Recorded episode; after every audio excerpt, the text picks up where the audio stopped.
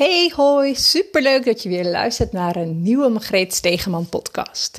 Ik, uh, de audio die je nu gaat horen, die uh, nam ik op tijdens mijn wandeling uh, vanochtend. En ehm, ja, het grappige was dus dat ik eigenlijk niet van plan was om er een podcast van te maken. Maar uiteindelijk dacht ik, ja, het is toch best wel waardevol. En ik ging verder praten en ik dacht, nou, dit kan toch nog wel eens een podcast worden. Uh, maar ik had jullie nog niet welkom geheten. Dus ik dacht, vind toch leuk om even te doen. Ik zou zeggen, heel veel luisterplezier en uh, laat mij weten wat je ervan vindt. We leven in een kleine wereld vandaag. Behoorlijk mistig. En dat doet me gelijk denken aan hoe fijn het is om je wereld soms wat kleiner te maken. We zijn altijd mee bezig met groot en grootser en um, flinke ambities. En nu is er niks mis met ambities. Maar het moeten wel jouw ambities zijn. En dat is denk ik waar het toch vaak nog uh, aan schort of zo. Want uh, in ieder geval als ik voor mezelf spreek. Ik, ik ben altijd mee bezig geweest. Oh, ik moet een, een, een fantastisch grote business opzetten. Ik wil een seven-figure business. Ik wil een six-figure business. Nou, misschien moet je eerst met six beginnen dan met twaalf, uh, seven. Maar dat komt omdat ik me vooral heb laten meeslepen door alles wat er om me heen gebeurde. Want ik zag allemaal mensen waar, ja, die ik, nou, die een voorbeeld voor mij waren die dat dus ook zo realiseerden. En die daar dus uh, dat teachen van hoe je zo'n seven-figure business, um, ja, hoe, hoe je dat realiseert. En ik werd daar heel erg door meegesleept en, en ik vond het allemaal fantastisch. En dat is het ook, hè? want ik vind het fantastisch wat zij hebben bereikt. Maar ik ben toch meer gaan intunen op mijn uh, kleinere wereld. Ik heb de wereld voor mezelf wat kleiner gemaakt. Ik ben nu aan het onderzoeken, wat is het nou wat ik juist graag wil?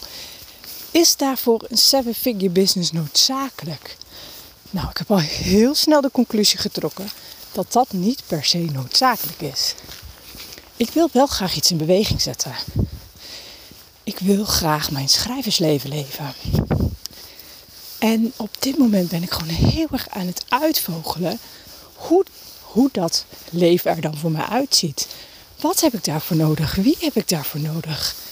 Hoe wil ik nou echt leven? En wat is er nou daadwerkelijk belangrijk? Um, want ik liet mij in die zin ook al meeslepen. Want dan uh, ga je bezig met uh, je mooiste leven uh, omschrijven. En dan was ik eigenlijk vooral bezig met, oh, ik wil mijn huis uitbreiden. Ik wil um, een camper kopen. Ik wil een huisje in Zeeland bij de zee. Ik wil, um, nou ja, ik wil iedere uh, week uh, eten bestellen. Ik wil regelmatig uit eten kunnen. Ik wil, nou, en zo was ik toch eigenlijk best wel veel bezig met het materialistische. Terwijl dat helemaal niet van belang is voor mij. Daar ben ik eigenlijk helemaal niet naar op zoek. En het is fantastisch hoor, als ik. Uh, als, als we ruimer in, de, in het geld zouden zitten en dat we dat allemaal zouden kunnen doen. Ik zeg ook niet dat ik het niet zou doen, maar dat is niet per se wat ik nodig heb. Het enige wat ik nodig heb is mijn pen, mijn journal en mijn laptop. Want daarmee kan ik mijn eigen gedachten ordenen. Daarmee kan ik in gesprek met mezelf. Kan ik mijn inner joy. Ik vind het zo fantastisch woord. Joy. Um, daarmee kan ik mijn inner joy opzoeken.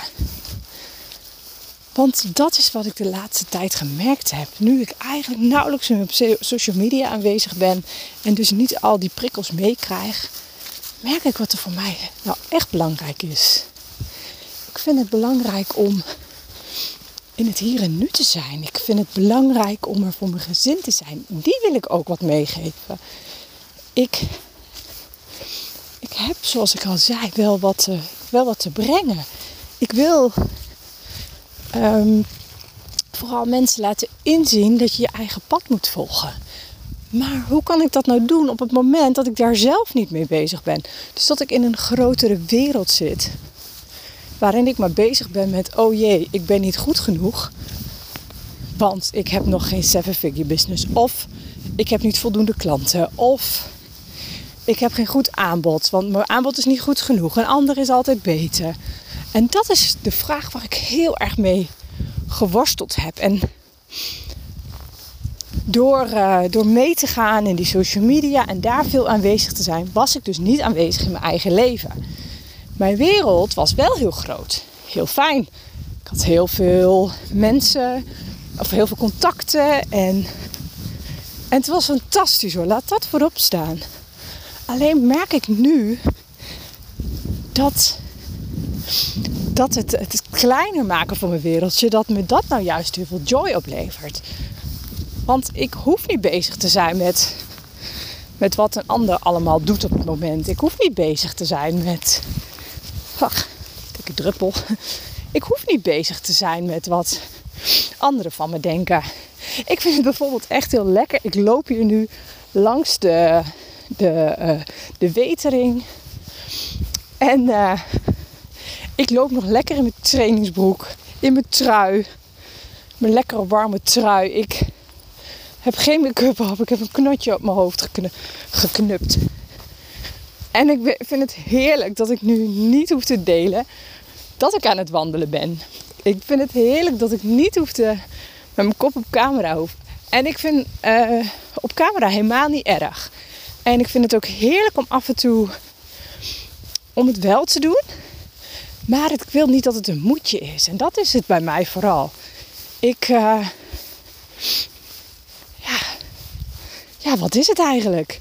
Ik uh, vind het fantastisch, de, de journey die, die ik nu, uh, ja, de reis die ik aan het uh, uitstippelen ben. Want nou, Celie en ik hebben in onze vorige podcast hebben we het ook gehad over waar zit die angel dan? Wat maakt het dat je nu niet het leven leeft zoals je zou willen? En, en dat blijft een vraag die bij mij ook steeds weer terugkomt. En uh, het is een patroon, een vast patroon dat iedere keer terugkeert, maar waarvan jij dus niet weet wat het is. Althans, je weet het wel, maar je moet het voor jezelf blootleggen. En dat is vaak wat we niet durven. We durven dan niet eerlijk te zijn tegen onszelf. En dat is zo zonde. Want juist door die eerlijkheid, die confrontatie aan te gaan met jezelf en met je gevoelens en gedachten, maakt dat je, ja, dat je dichter bij die joy komt, die inner joy die je heel graag wil voelen. En ik merk dat, dat, dat ik nu steeds een stapje daar dichterbij kom. En ja, we hadden zoiets van, ja maar oké, we willen weten waar die angel zit. Die willen we eruit kunnen trekken. Wat is het dat ons keer op keer toch weer tegenhoudt om nieuwe stappen te zetten? Welke overtuiging, welk bullshit-excuus schreeuwt het hardst? En uh, in mijn geval uh, heb ik ontdekt, is dat dus toch echt wel dat ik gewoon niet goed genoeg ben. Ik, ik ben niet goed genoeg om een onderneming te runnen. Ik ben niet goed genoeg om uh, te verkopen. Mijn uh, programma is niet goed genoeg. Mijn teksten zijn niet goed genoeg. Ik durf mezelf geen schrijver te noemen, want ik ben niet goed genoeg. En, en die komt in allerlei varianten terug. Hè? Want uh, bijvoorbeeld ook in ik ben het niet waard. Ja, en als ik maar echt vaak genoeg tegen mezelf zeg: ik ben het niet waard of ik ben niet goed genoeg, gaat het ook niet stromen. Dan uh, worden mijn teksten ook niet goed, want ik heb toch al voor mezelf al besloten dat het niet goed genoeg is. Dus hell yes, dan is het ook niet goed genoeg. Op het moment dat ik tegen mezelf zeg: ja, nee, dat doe ik maar niet, want oh, wat zal een ander er wel niet van denken? Die zal vast vinden dat ik niet goed genoeg ben. Ja, jammer dan. En het is steeds vaker dat ik mezelf uh, dat soort gedachten, dat schrijf ik dan allemaal op. Ik ga echt daarover in gesprek met mezelf. Mijn ego komt dan heel erg naar voren en ik schrijf alles op wat er dan in me opkomt. Ik ga het nog niet gelijk weer leggen. Nee, laat het eerst maar stromen. En dan op een gegeven moment komt er een keerpunt, die komt vanzelf. En dat is het vertrouwen dat ik uh, veel meer mag hebben. Het vertrouwen dat het wel goed komt. Het vertrouwen dat ik wel goed genoeg ben. Het vertrouwen dat ik wel goede teksten kan schrijven. Het vertrouwen dat ik wel geld kan verdienen met, uh, met schrijven. En dat ik, dat ik gewoon wel echt goed genoeg ben. En nu is het niet zo dramatisch dat ik mezelf echt helemaal. Uh, dat ik een minderwaardigheidscomplex heb of zo. Op bepaalde vlakken voel ik me zeker wel goed, goed genoeg. En als ik bijvoorbeeld kijk naar uh, mijn moederschap, dat vind ik fantastisch. Daar geloof ik ook gewoon in. Dat ik, ik ben een goede moeder. Dat durf ik gewoon wel te zeggen. Maar dat wil ik ook op alle andere vlakken in mijn leven. En ja, toen kwamen we daar zo mooi op, omdat het zo'n kleine wereld is op het moment. Maar. Uh, oh.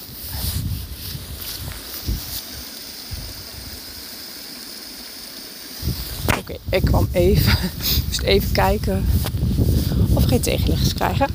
Want Pepper kan nogal enthousiast reageren. Maar daar ben ik weer. Het gaat erom, inderdaad, dat we de, onze wereld gewoon wat kleiner moeten maken. Wat meer naar, naar binnen keren. Om te kijken, wat, wat wil ik nou echt? En, en het, het, soort van experiment dat ik op dit moment uh, aan het onderzoeken ben. Het, het experiment dat ik aan het onderzoeken ben. Dat klinkt al raar, hè? Nee, ik, ik ben gewoon aan het onderzoeken wat ik kan doen om die joy en die vrijheid die ik. Zo, Pepper ging ineens wat door. Arm uit de kom. Ehm, dat die joy, die fun die ik wil ervaren in mijn leven, dat dat gewoon niks te maken heeft met een grotere wereld voor mij. Uh, dat heeft niks te maken met uh, grootse, uh, een grootse bankrekening. Het is voor mij al voldoende dat ik mijn schrijversleven kan leven. En dat is, mijn schrijversleven houdt onder andere in dat ik iedere dag kan schrijven als ik dat wil. Dat kan ik natuurlijk al. Ik wil beter worden in het schrijven.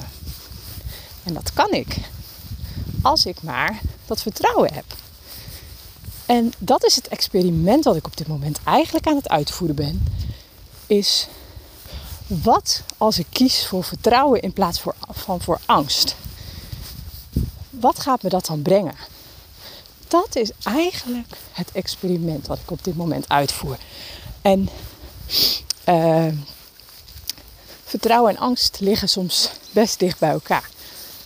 En angst neemt heel snel de overhand. En daarom nog meer mijn journal vlak bij me liggen. Om steeds maar weer die bewustwording te krijgen. Oké, nu zit ik weer in angst. Shift.